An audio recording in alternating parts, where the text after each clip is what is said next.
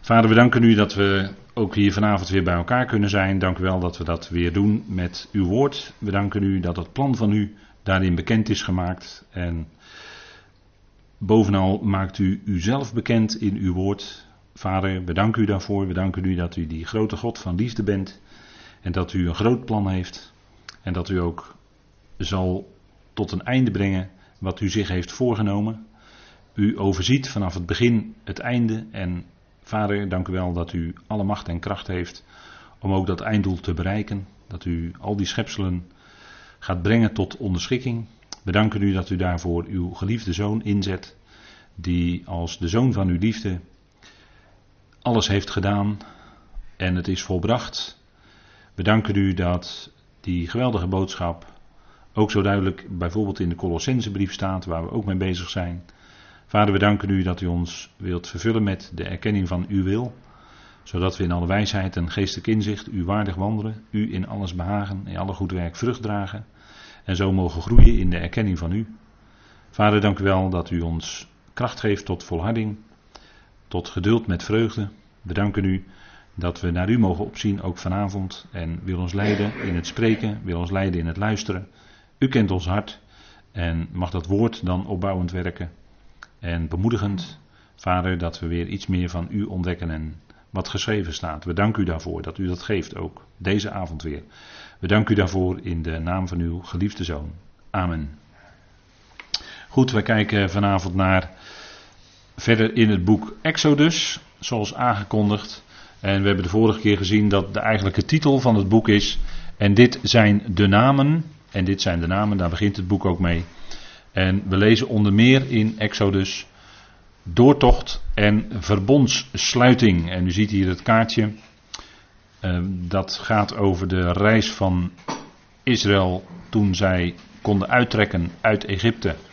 En toen trokken ze heel snel door de Negev-woestijn. En toen zijn ze daar door de Rode Zee gegaan. En daar zijn ook sporen van terug te vinden.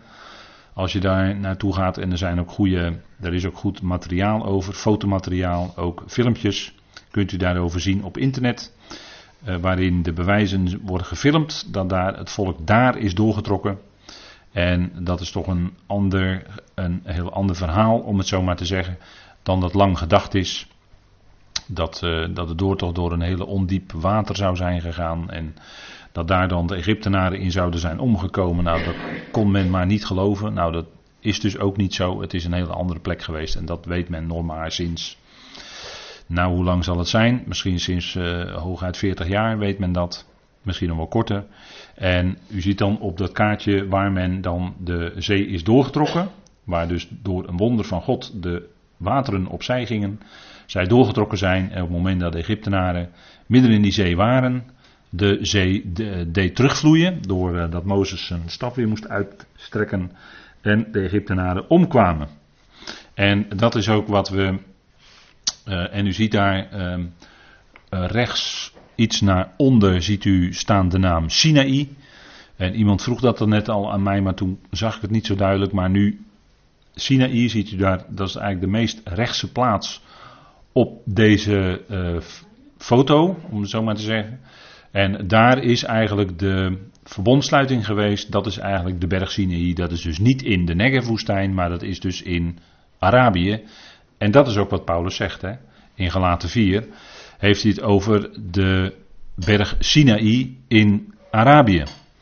En die vergelijkt hij dan met, die stelt hij dan op één lijn, weet u wel, dat is die bekende allegorie in Galaten 4. Die stelt hij dan op één lijn met Hagar en Ismaël en voor degenen die op dat moment in slavernij zijn. Die zeg maar wilden teruggaan onder de wet. daar, ging, daar gaat de gelaten brief over. Teruggaan onder de wet en dan haalt hij dat aan. Dan zegt hij in uh, gelaten 4. Uh, zeg mij, jullie die onder de wet willen zijn, horen jullie de wet niet? En dan haalt hij de geschiedenis van uh, Sarai en Hagar aan om dus de vrije en de slavin tegenover elkaar te zetten. En dat past hij dan toe binnen het kader van de gelaten brief. Uh, wat hij daarmee wil zeggen. Dus dat het gaat om de vrijheid in Christus. En niet de gebondenheid onder de wet of onder wetticisme. Dus de berg Sinai in Arabië zegt hij dan, gelaten 4 vers 25. En u ziet dan dat men daar dat ook heeft gevonden op het Arabische schiereiland.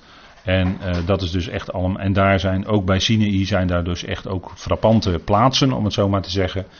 Uh, waar men ook kan afleiden, de sporen die men daar terugvindt, kan men nog afleiden dat daar inderdaad die gebeurtenissen zich hebben afgespeeld. Zeer hoogstwaarschijnlijk, uh, die ook in het boek Exodus beschreven staan. En daarover willen we vanavond dan ook wat nader kijken. Over wat in het boek Exodus dat gebeuren bij Sinai, wat het eigenlijk inhield. En na de uittocht, um, we hebben bij de uittocht gezien de vorige keer dat um, in Exodus eigenlijk toch wel duidelijk wordt dat Yahweh het hart van Farao verhardde. Daar zijn er wel eens andere gedachten over, die dan oorzaak en gevolg aanwijzen. Dus dat eerst de farao zijn eigen hart verharde en dat op grond daarvan Yahweh zijn hart verder verharde. Nou, we hebben de vorige keer gezien dat, dat, die gedachte eigenlijk geen stand kan houden als je de schriftgegevens raadpleegt. En dat blijkt ook nog eens een keer, uh, misschien wel ondubbelzinnig, uit uh, Exodus 14. En laten we dat even met elkaar lezen. Exodus 14, dat is dus de doortocht door de. Ja, boven mijn, in mijn Bijbel staat er boven door de Scherpzee. Maar wat wij dan nu kennen als de Rode Zee. En daar lezen wij in de versen 3, 5 en 8 de versen 3, 5 en 8.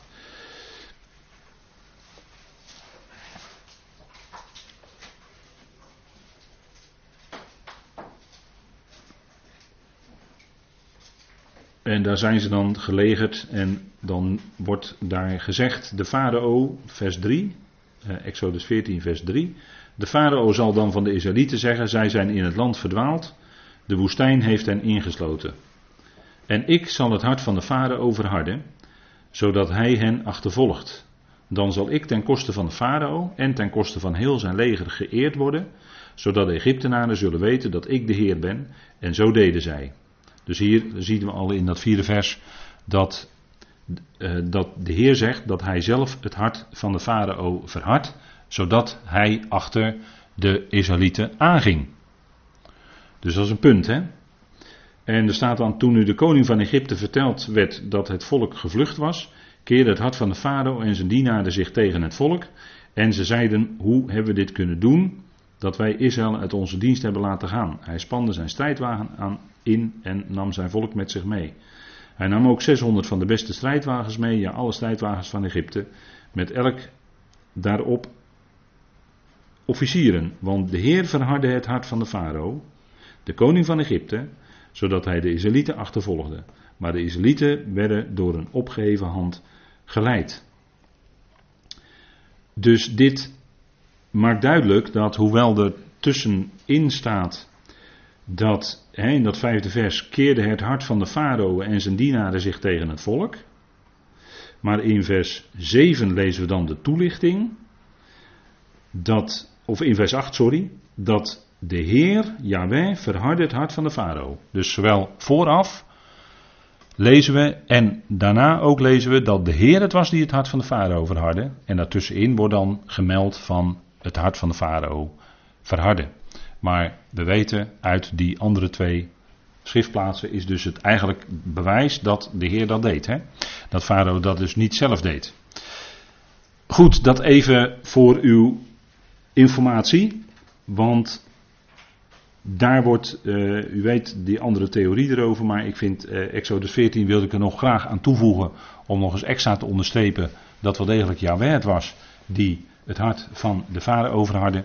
En dat is ook wat Paulus zegt in Romeinen 9, dat de Heer zegt, ik ontferm mij over wie ik mij ontferm en ik verhard wie ik wil verharden.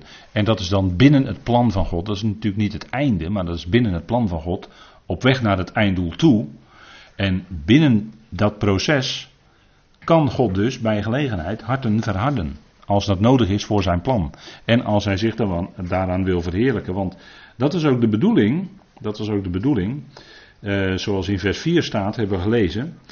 Dat daar staat. En ten koste van heel zijn leger geëerd worden.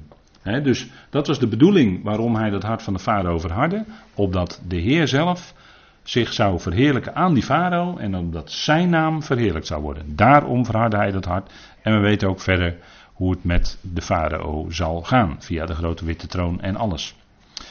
Goed, dan gaan we kijken naar het verbond. En dat is uh, Exodus 20, de verbondsluiting op de Sinaï. Het verbond, u ziet hier de ark van het verbond. En uh, het verbond uh, wordt altijd in de schrift gesneden. Een verbond wordt gesneden. Dat gebeurde bij Abraham.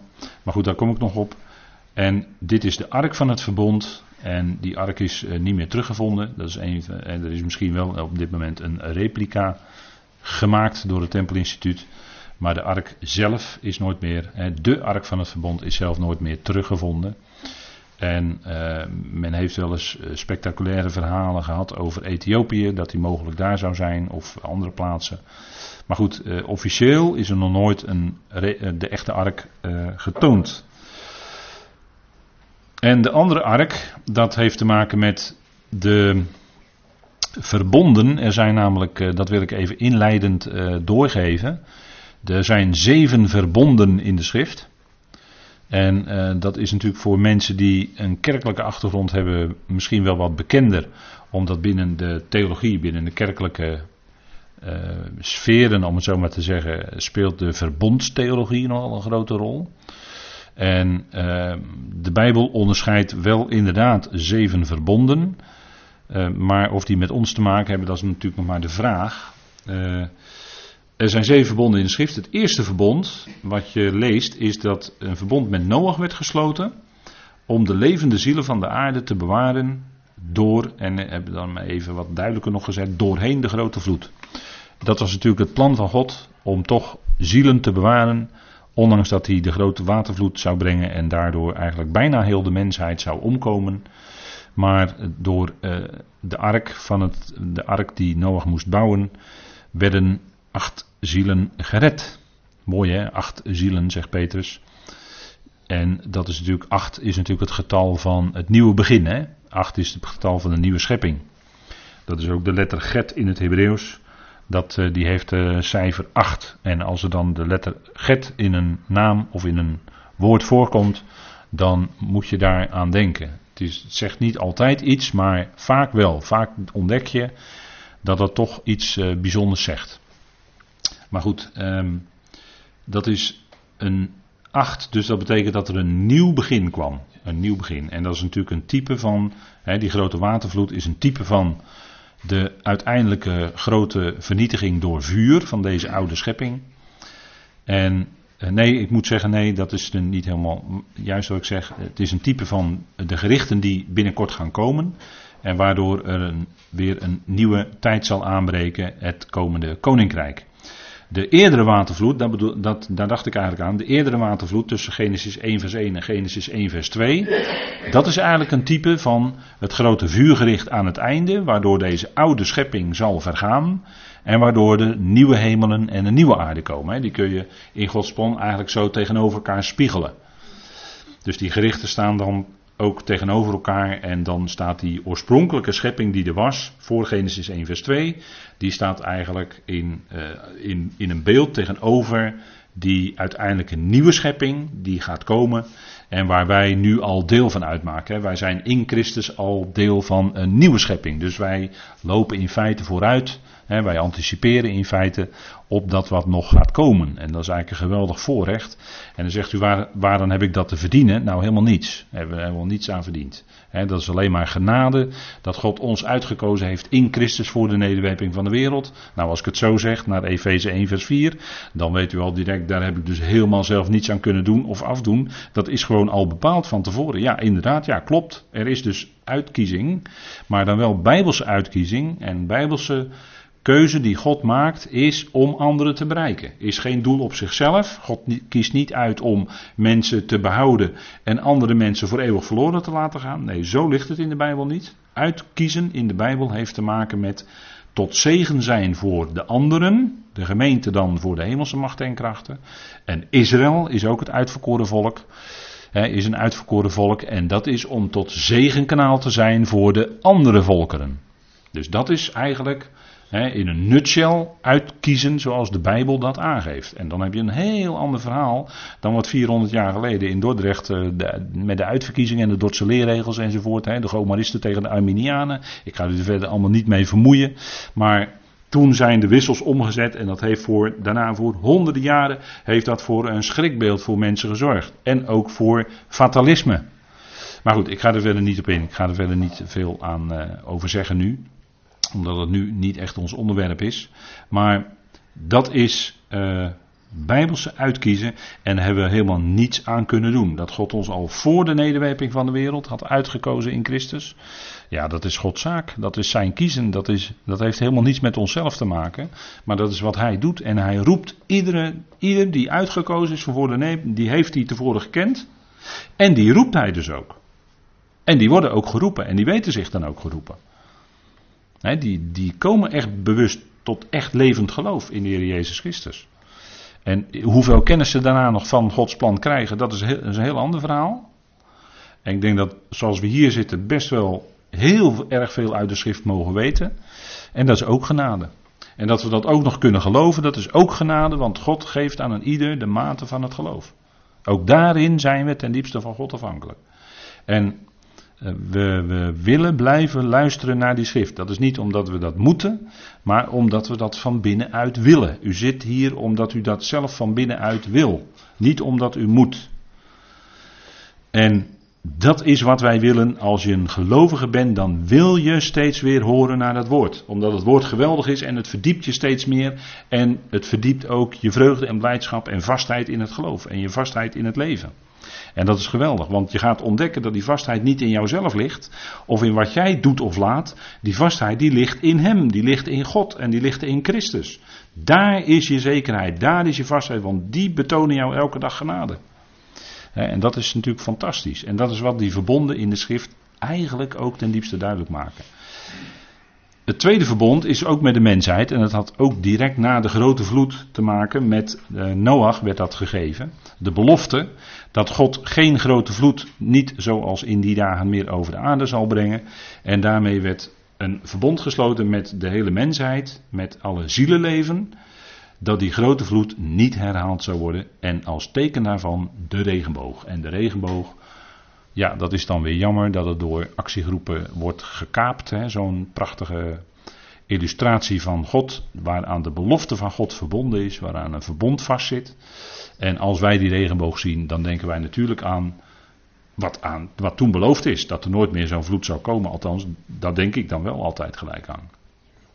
En dat is natuurlijk prachtig, hè? die kleuren die zeven kleuren van de regenboog, dat is natuurlijk ook iets wat God geeft. Hè. Zeven is ook het getal van deze oude schepping. Gods voorkomenheid in deze oude schepping. En ehm, dat is op heel veel manieren en op heel veel niveaus is dat zichtbaar. Zeven kleuren. En dan noem ik zeven dagen, daar komen we nog op met de Sabbat straks. Gaan we het over hebben. Dat is de zevende dag. Dat is ook de dat is ook de dag waarmee deze Aion wordt afgesloten, de zevende dag. Maar na die zevende komt een nieuw begin en dat is dan de achtste dag. Dat is de nieuwe schepping. Daar zijn we weer rond. Hè? Maar dat is heel mooi. Zeven verbonden vinden wij ook in de schriften toch, hè? zeven. En het derde verbond, dat is met Abraham, die kreeg het land beloofd, Genesis 12, een hele bekende schriftplaats is dat. Abraham, dat was het verbond met Abraham, dat was ook een eenzijdig verbond. God zegt, ik zal jou zegenen en ik zal jouw nageslacht zegenen. En het zal tot zegenkanaal zijn voor alle volkeren. En daar werd nog wat wel wat meer bij gezegd, maar daar komen we ook nog op. Abraham die trok uit Oer der Galdeën met gehave en goed, want het was een rijke Oosterse vorst, Abraham. Dat was niet zomaar iemand, maar die was rijk, die had veel vee en veel goederen. En daarmee trok hij erop uit naar het beloofde land. En u ziet links het fotootje of de, het overzichtkaartje wat aan Abraham ook beloofd is in Genesis 15. Dat is vanaf de Uifraat, de rivier de Uifraat tot aan de rivier de Nijl. Dat is eigenlijk het gebied wat Israël straks in de komende duizend jaar zal hebben. Dat is eigenlijk aan Israël beloofd. En ik heb wel eens meer gezegd, het is eigenlijk heel eenvoudig. De hele aarde is van Yahweh, de hele aarde is van God. En hij geeft dit aan Israël, dus dan ben je gelijk klaar. Het is van hem, hij geeft het aan Israël. Einde van elke discussie, einde van elke politiek. Zo is het. En als ze dat zouden in acht nemen, dan heb je heel de toestanden die er vandaag aan de dag zijn helemaal niet meer nodig. Want dan uh, erken je gewoon wat in de schrift staat. En dat zou men ook doen. Maar goed, dat is, u weet dat het allemaal heel ingewikkeld ligt en heel anders ligt in deze tijd. En dat het uh, allemaal met uh, heel moeilijk is. Maar dit is de belofte en dit zal Israël dan ook krijgen in de komende duizend jaar. Dat is gewoon beloofd en dat staat nog steeds recht overeind. Dat gaat gebeuren. En dan het vierde verbond, dat is ook met Abraham. En waarin hem nageslacht of zaad werd beloofd. Uh, besnijdenis, Genesis 17, vers 1. Genesis 17, het hoofdstuk waarin hij de opdracht kreeg om zich te besnijden en zijn hele mispoche, zijn hele familie. En toen onthulde zich God aan Abraham als Al-Shaddai. En dit vond ik, toen ik aan het zoeken was, en het is eigenlijk wel heel mooi, uh, de bewaarder of de bewaker van de deuren van Israël, die zinsnede, als je daarvan de beginletters neemt, dat is van rechts naar links de shin, de dalet en de jot, dan heb je het woord Shaddai. Dat is eigenlijk wel mooi, vind ik. De bewaker van de deuren van Israël. Dat is God natuurlijk. En God is ook, wordt in de schrift regelmatig genoemd, Al Shaddai. Hè. Dat betekent, hij is de algenoegzame. Dat betekent, hij is voldoende. Hij geeft voldoende om te blijven leven. Hij schenkt aan het volk zegeningen. Had hij ook laten zien in de woestijnreis, 40 jaar lang gaf hij het manna. En was er geen, uh, was er geen zool van de sandalen versleten. Hij gaf ze water uit de rots. Met andere woorden, hij betoonde zich aan hen als Al Shaddai. Hij is genoeg. Als je op de Heer vertrouwt, dan zal hij je voldoende geven. Het is niet gezegd dat je dan een makkelijke reis hebt. Het is ook niet gezegd dat je dan niet zal lijden. Maar hij is wel Al Shaddai, hij is wel de Algenoegzame. En dat hebben de aartsvaders ervaren. En later heeft uh, Mozes dat ook naar zich toe gekregen. dat hebben we de vorige keer met elkaar besproken. Dat, uh, hij, dat uh, God zich niet als zodanig aan de aartsvaders had geopenbaard zoals hij dat nu, nu aan Israël en aan Mozes deed. En dat had te maken met het feit dat hen een kwaad overkwam. Dat hen kwaad werd aangedaan in Egypte. Dat ze kwaad moesten lijden. Daar had het mee te maken. En dat God degene was die ten diepste dat kwaad ook over hen beschikte. En dat hij hen ook verloste daarna van dat kwaad. daar had het mee te maken. Op die manier, op die manier was God niet, of had God zich niet betoond en zich laten kennen aan de aartsvaders. Maar hij uh, betoonde zich wel op die manier aan Israël en aan Mozes in die dagen. En daarom die uitspraak uit uh, Exodus dat hij onder die naam op die manier zo niet bekend was geweest. Hij, de aartsvaders kenden de naam Yahweh wel, maar niet op die manier zoals Mozes en Israël dat nu ervoeren. En dat had te maken met het kwaad wat er overkwam. Maar daar hebben we de vorige keer al wat van gezegd. Hè? Maar in ieder geval is dit het vierde verbond. Dus dat is het tweede verbond met Abraham. En daarin kreeg hij nogmaals de belofte dat hij over een jaar zou hij het beloofde zaad Isaac ontvangen. En zo geschiedde ook. Hij was toen, toen Isaac geboren werd, was Abraham 100 jaar oud. En Sarai, als ik het goed zeg, 90. En zo geschieden. En het vijfde verbond, dat is met Israël, daar willen we vanavond wat verder op inzoomen. Met Israël in de wildernis, met een onderwijzing of met een Torah. En vaak is er dan het woord wet vertaald. En dan heb ik hier erbij gezet, die zij niet konden houden. Dus God legde een onderwijzing op hen, waaraan ze moesten voldoen, maar waarvan hij tevoren wist dat zij die niet konden houden. En dat had natuurlijk te maken met het vlees. Eh, de Torah, zegt Paulus in Romeinen 7, is heilig en rechtvaardig en goed. En hij zegt zelfs de Torah is geestelijk, dat is ook zo. Alleen, de Torah was zwak door het vlees. Het bleek in de praktijk dat het vlees niet in staat was om die volmaakte of volkomen richtlijnen voor deze schepping, voor deze oude schepping, van God te kunnen houden. Dat bleek. En dat was ook precies de bedoeling, dat moest ook blijken. En het volk zei weliswaar van al wat Jawij gesproken heeft zullen wij doen. En in de praktijk, dat weten we, kwam daar weinig van terecht. En dat was de zwakte van, en wat in de Hebreeënbrief dan wordt genoemd in Hebreeën 7, dat is dan de zwakte van het vleeselijke gebod. En dat heeft te maken dus met een gebod wat op het vlees werd gelegd. En wat ook in deze, wat hoort bij de grondregels van deze oude schepping. Dat heb ik allemaal ook besproken in de Galatenbrief. En straks, wij leven al als mensen die geroepen zijn en zich een nieuwe schepping weten in Christus. En wij houden dan ook rekening met andere grondregels, de grondregels van de nieuwe schepping namelijk. En het punt is dat, ook al is het een prachtig systeem, wat aan Israël gegeven werd, het is toch een systeem wat aan hen gegeven werd in het vlees, in deze oude schepping. En in de nieuwe schepping gelden andere grondregels. Die gaan daar bovenuit. En die sluiten dat uiteindelijk ook wel in, maar die gaan daar bovenuit. Maar goed, gaan we nog verder naar kijken. Het zesde verbond, dat is het nieuwe verbond, wat gesloten zal worden met, en wat in feite al beloofd is aan Ephraim en Juda. Ephraim als de eerst, degene die het eerst geboorterecht uiteindelijk heeft van de tien stammen. Zo wordt, in, zo wordt in profetie vaak gesproken over Ephraim. En uh, ook over Israël.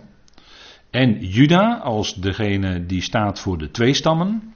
En die twee stammen die zullen één worden. En dat is onder het nieuwe verbond.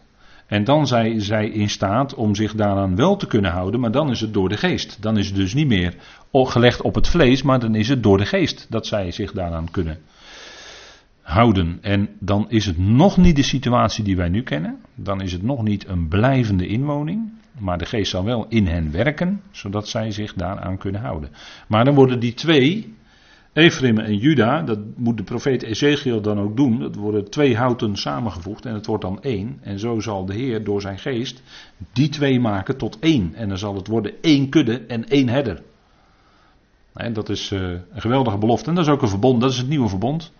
En de Hebreeënschrijver zegt ook van als er sprake is van een nieuw, dan betekent dat, en dat was in Jeremia 31 onder andere al, maar ook andere. Als er sprake is van een nieuw, dan is het tevens sprake dat datgene wat tot op dat moment er was, verouderd is en de verdwijning nabij, hè, zegt de Hebreeënschrijver dan. Dus dat is, oud, dat is dan tegelijkertijd voor oud verklaard. Hè? Goed, en dan het laatste, en dat is eigenlijk iets wat je niet, niet eens echt een verbond kan noemen in de zin van al die vorige verbonden. Dat is het nieuw, zoals Paulus dat noemt, het nieuwe verbond, maar dat gebruikt hij dan in het kader van het lichaam van Christus. En dat is dan eigenlijk een vorm van beeldspraak, om het zo maar te zeggen. Dus je behoudt dan wel, je houdt eigenlijk de oude term vast, verbond namelijk, maar die pas je op een hoger niveau geestelijk toe, zodat het niet meer eh, letterlijk waar is zoals die andere verbonden wel waar zijn. Een geestelijk verbond zou je kunnen zeggen. Het is een geestelijk verbond. Een stijlfiguur. Hè, met de, ja, dat noemen ze uh, dat, dat, je, dat je iets vasthoudt van het oude. Um, in het Engels, ik ben even de Nederlandse term kwijt, maar in het Engels noemen ze dat retention. Dus je, je, houdt, je houdt de oude term vast om iets anders aan te duiden, wat geestelijk waar is. En dat is dan eigenlijk het zevende verbond, maar dat is strikt genomen niet eens een verbond omdat daar eh, helemaal niet van twee kanten. Want een verbond wordt altijd gesloten met twee kanten. Uh, twee partijen. En in, in, de, in, de, oudheid werden dan dieren in stukken gesneden. En die werden dan zo op een rijtje gelegd, zodat je er tussendoor kon lopen, die stukken van die dieren. En er moesten twee partijen daar tussendoor lopen. En dan zeiden ze daarmee eigenlijk: we zullen ons allebei houden aan dat verbond, wat we nu sluiten. En zo niet, dan zal met ons moeten gebeuren wat ook met die dieren gebeurd is. En dat is ook wat, wat je ziet bij uh, Abraham in Genesis 15, waarin de Heer zelf dan tussen die stukken doorgaat. Alleen, hè, Abraham niet alleen, dus dat is een onvoorwaardelijk verbond, zodat de Heer zelf zorgt voor die vervulling van het verbond. En dat zal hij ook doen. Dat is een onvoorwaardelijk verbond, hè, dus verbond uh, met uh, Abraham. Nou goed, dat, en dat past men dan via het gebruik van de term nieuwe verbond in de Korinthebrieven heeft men dat in de theologie dan, is men gaan toepassen op de kerk met uh, enzovoort in de hele vervangingstheologie en alles wat daar met schadelijke gevolgen aan vastzit. Maar dat kun je dus niet doen. Goed, dat even over de verbonden. En wat is nu de grote les of onderricht van de verbonden in de schrift? God alleen is bij machte een verbond te bewaren of te houden. We hebben daar in het verleden wel eens uh, uitgebreider over gesproken. Ik meen dat het toen een keer een studie in de Aker was. Toen hebben we wat uitgebreider gesproken over de verbonden en toen is dit ook naar voren gekomen. God alleen is bij machten een verbond te bewaren slash te houden. Dus dat is wat, we, hè, wat God uh, duidelijk maakt. Hè? Elke keer weer blijkt bij een verbond dat de mens niet in staat is om, of niet in staat was om. En zeker gold dat voor het vijfde verbond als het gaat om Israël. dat is toch wel op veel bladzijden uitgebreid aangetoond. En is dat gebleken in de wandel van het volk in de loop van de jaren. En dat is een verbondsluiting bij van Israël bij Sinaï. En ik heb er hier ook bij gezet in Arabië. Bij Sinaï in Arabië met Israël werd een verbond gesloten.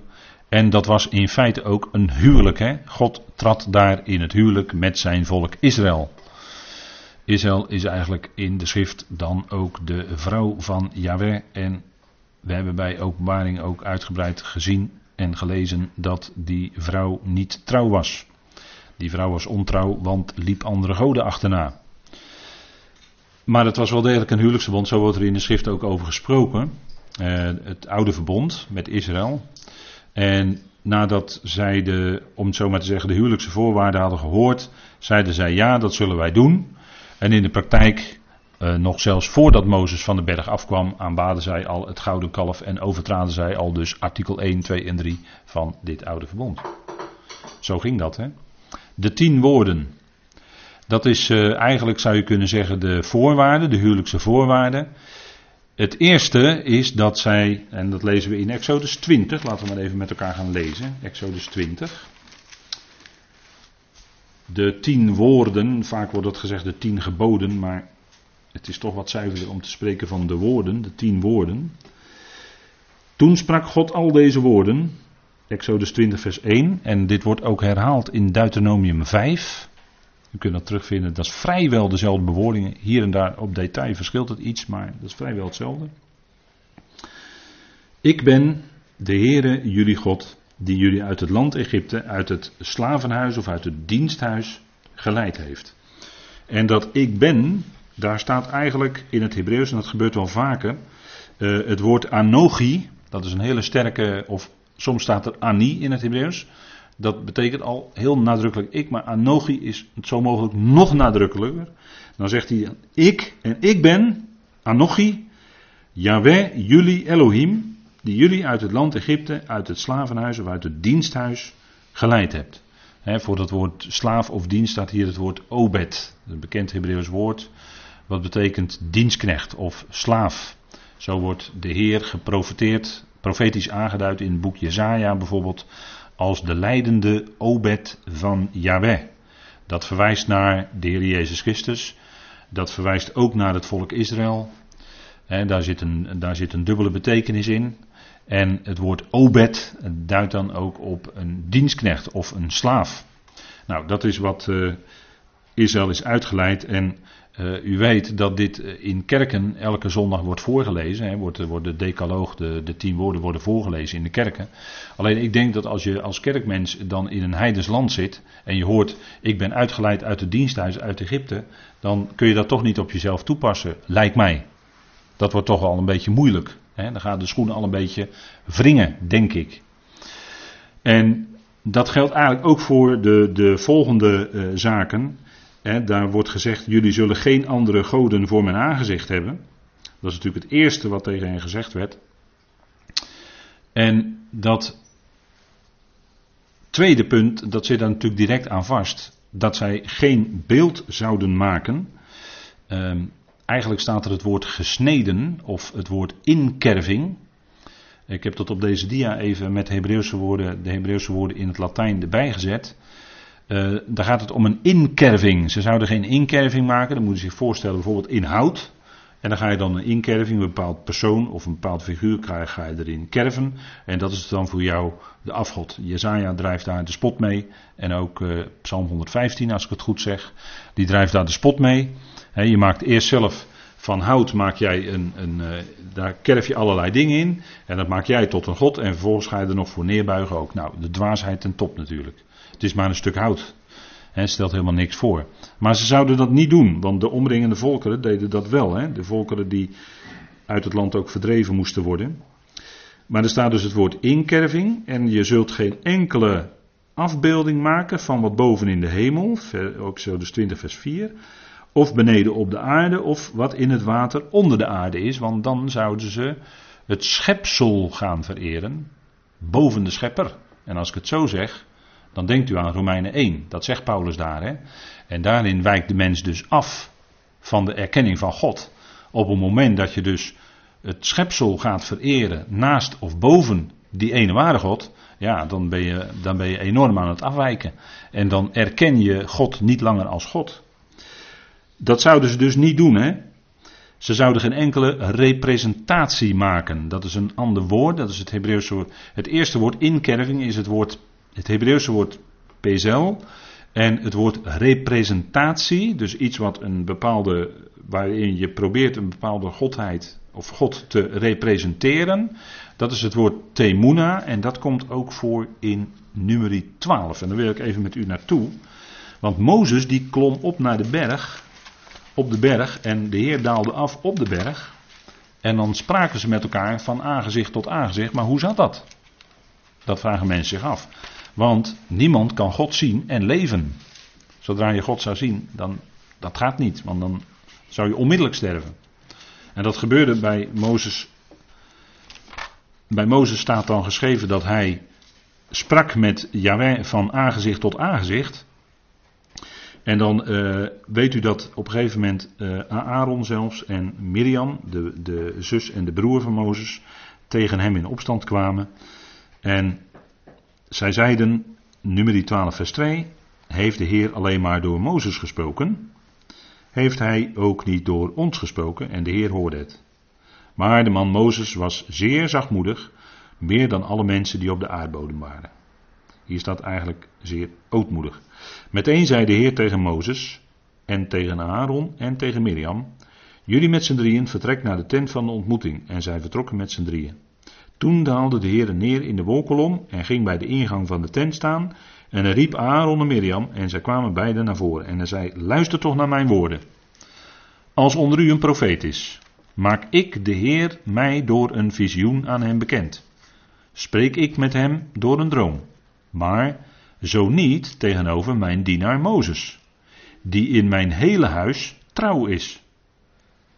Met hem spreek ik van mond tot mond, ja zichtbaar en niet in raadsels. En hij aanschouwt de representatie, daar staat hetzelfde woord, temuna, van de Heer. Waarom bent u dan niet bevreesd geweest om over mijn dienaar, over Mozes, te spreken? Dus u ziet dat de Heer hier duidelijk maakt dat hij. Er staat weliswaar natuurlijk elders dat hij met de Heer sprak van aangezicht tot aangezicht. Maar dat bleek dus een representatie te zijn. Hij aanschouwt de gestalte of representatie van Yahweh. Want Yahweh zelf is de Allerhoogste God. Die is geest. Die kun je niet zien en die kun je niet horen. Maar we weten wel via wie je hem wel kan horen en zien. Dat is natuurlijk de Heer. En dat, die wordt hier natuurlijk dan bedoeld. Hè? Hij aanschouwt de representatie van Yahweh. En nou is het verwarrende voor veel Bijbellezers dat als dan eh, gesproken wordt over het feit dat Yahweh iets zegt, of dat de profeet bij gelegenheid Yahweh zag zitten, dan zag hij niet Yahweh zelf, want die is geest, maar dan zag hij de representatie van Yahweh.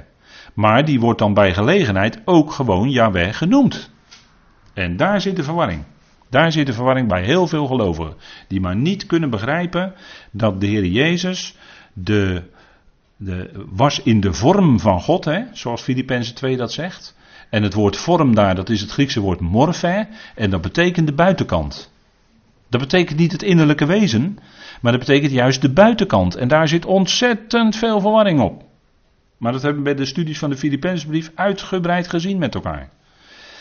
En daardoor kunnen mensen niet begrijpen, omdat ze dit niet kunnen zien op een of andere manier, of dat het niet verteld wordt, dat weet ik niet.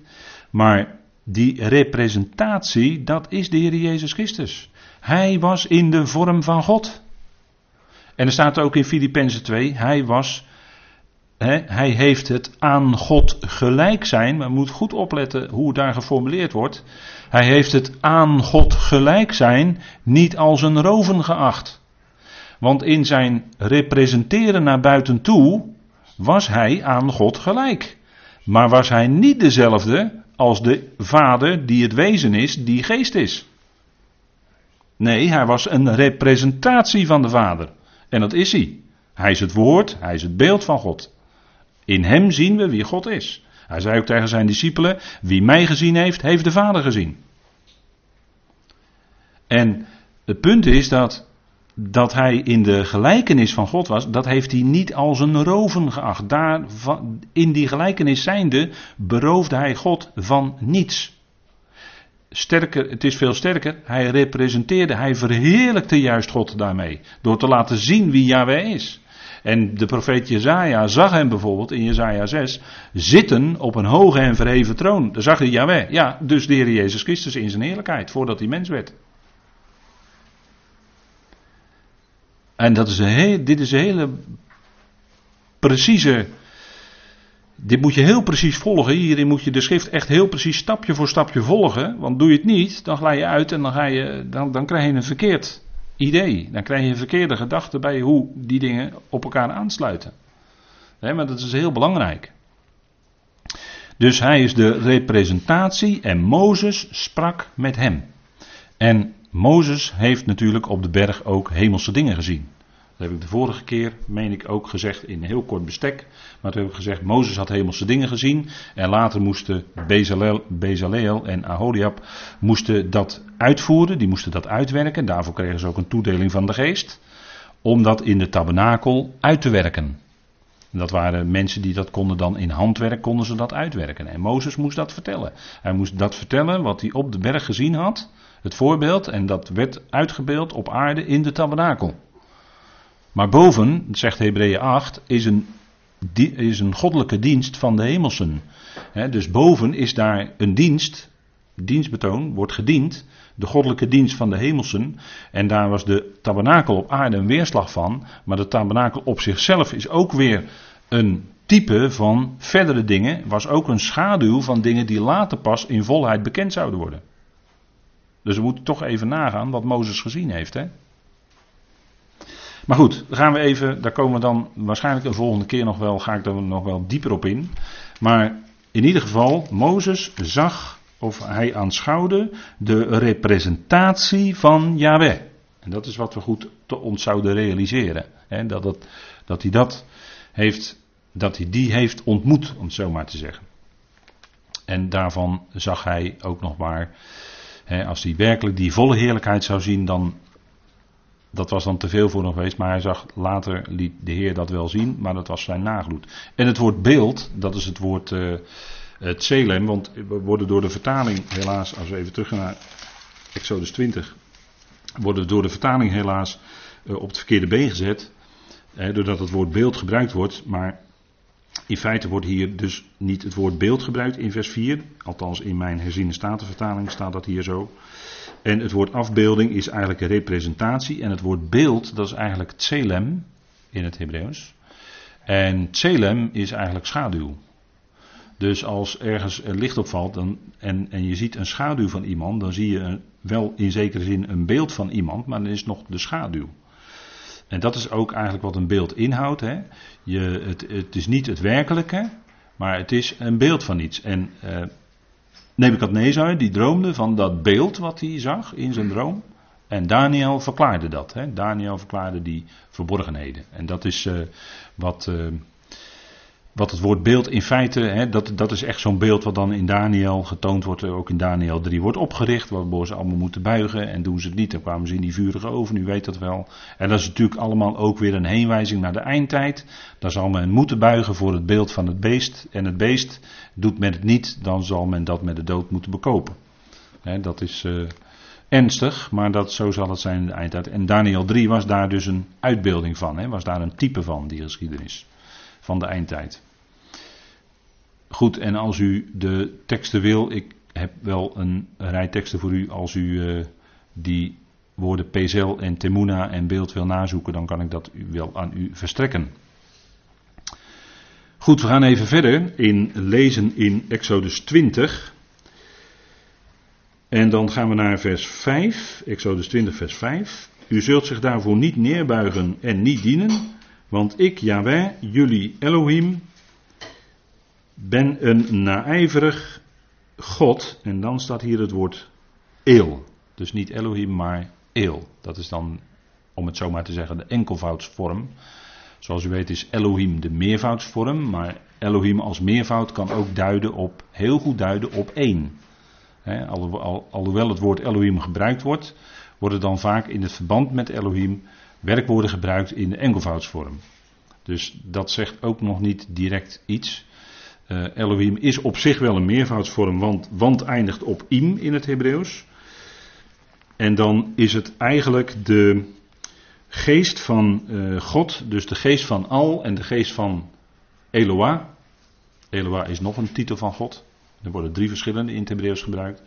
Maar die geest die werkt dan in meerdere en vandaar is dan de, wordt dan vaak de titel Elohim gebruikt.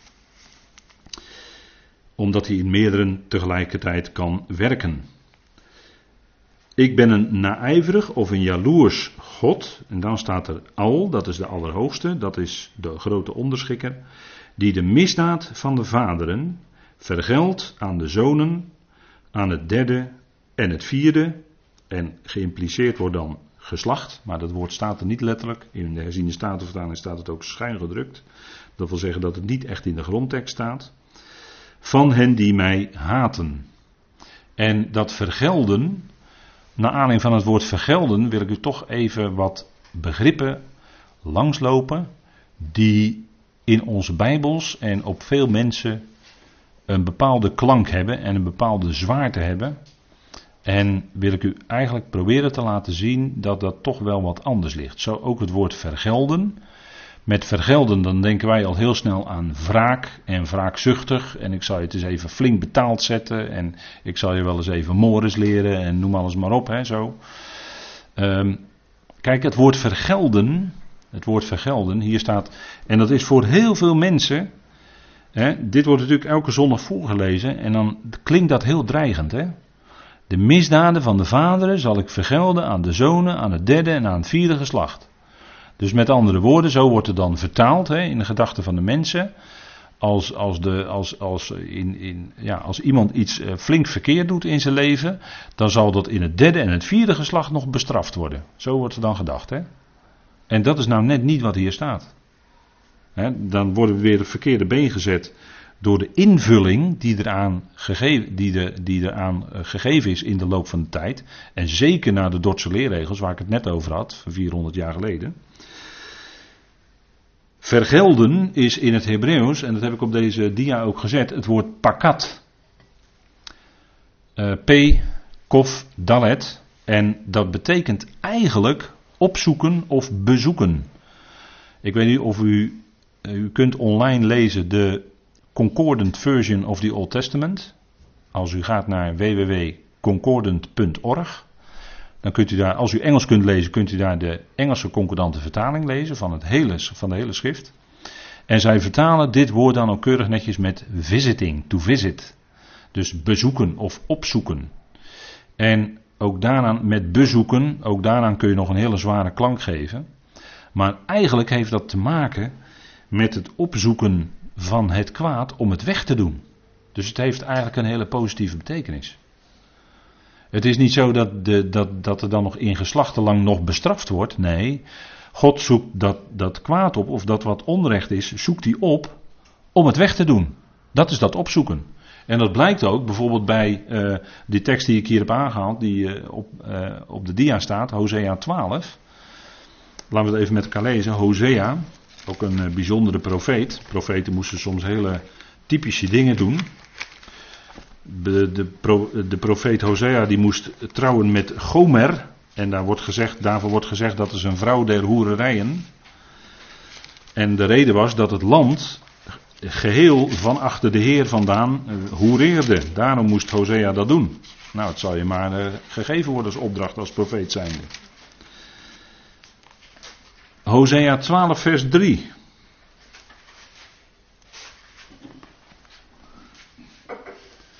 Daar staat: De Heer heeft een rechtszaak met Juda. Ja, wij heeft een rechtszaak met Juda. En dan lees ik even eerst de vertaling. En hij zal Jacob vergelden naar zijn wegen. Hij zal zijn daden op hem doen terugkeren. Nou, dat, dat klinkt heel fors, dat klinkt heel dreigend. En natuurlijk moest de Heer optreden, omdat, wat ik net zei, uh, het volk ging, in, uh, ging aan, andere, achter de goden aan. En dat is wat de wet nu eenmaal in artikel 1 uh, eh, verbood.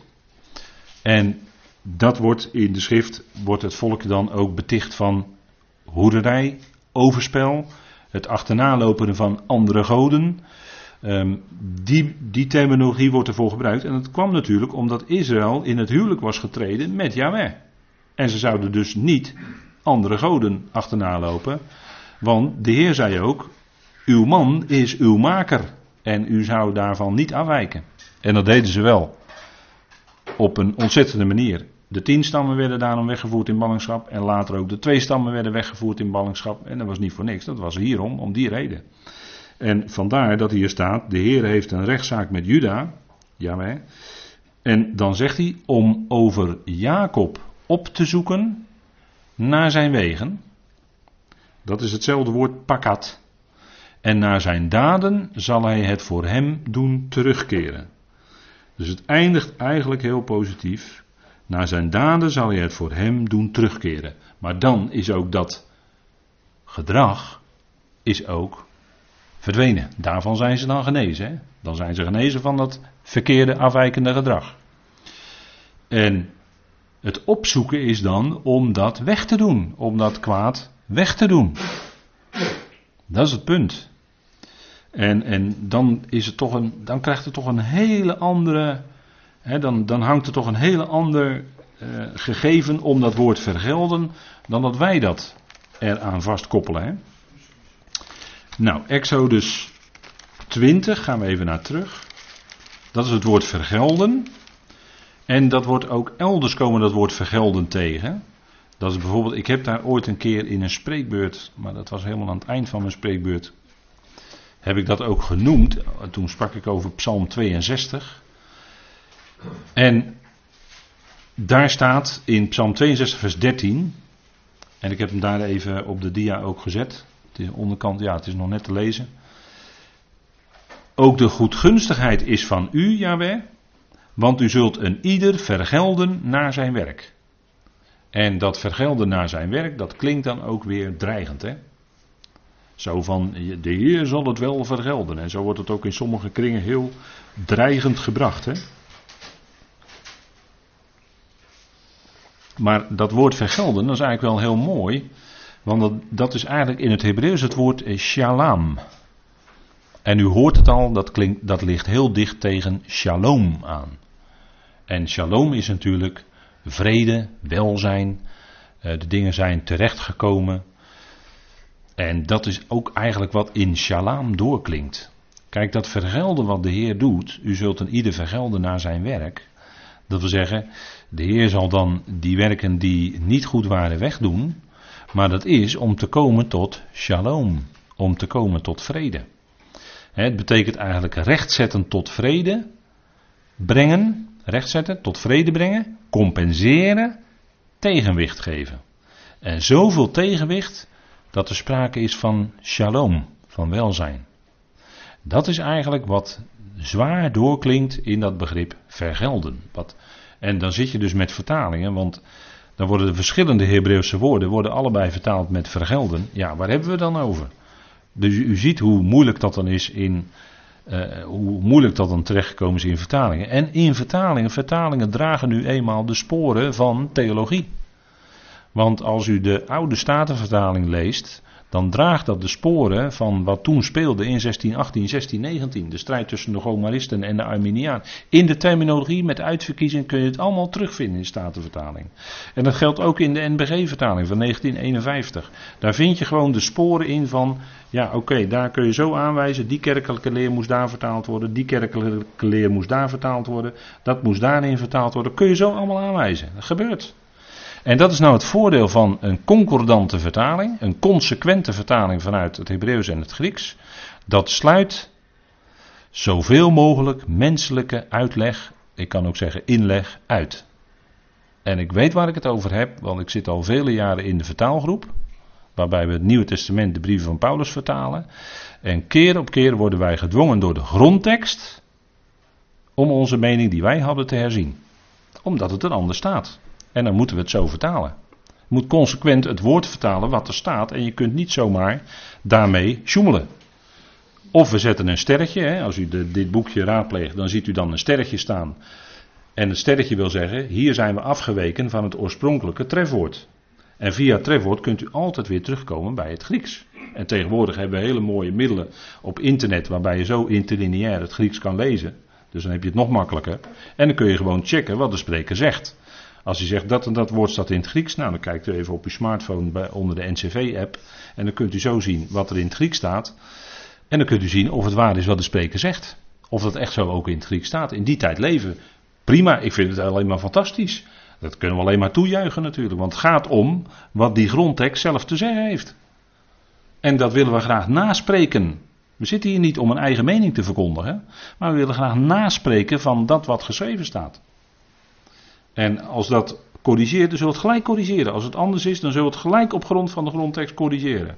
want het gaat helemaal niet om meningen van mensen of wat dan ook. En dat is het grote voordeel van een consequente vertaling. Dat je zoveel mogelijk menselijke inleg buitensluit. En dat is het voordeel boven al die vertalingen die al verschenen zijn. En daar kun je gewoon dan mee vergelijken. Goed, we gaan even kijken naar een ander woord wat ook zo'n zware klank heeft. Dat is het woord nakam, dat is het woord wraak of wreken. Dat is in het Hebreeuws het woord nakam.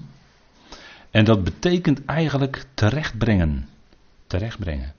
En dat is wat God ook doet in zijn gerichten. Zijn gerichten, of zijn oordelen, hè, met een wat ouder woord, zijn eigenlijk altijd eh, correctief. Een gericht bij God is nooit iets wat op zichzelf staat. Hij is niet aan het oordelen om te kunnen richten. Nee, een gericht en oordeel vindt plaats opdat er correctie komt. En die komt er ook. Het leidt uiteindelijk tot herstel. Daarvoor is het bedoeld. En dat is ook in het woord nakam heel mooi te zien. Uh, dat wordt gebruikt in Deuteronomium 32, vers 35. Laten we het ook even met elkaar opzoeken. Deuteronomium 32 vers 35, een bekende tekst, die ook in de Griekse schrift wordt aangehaald.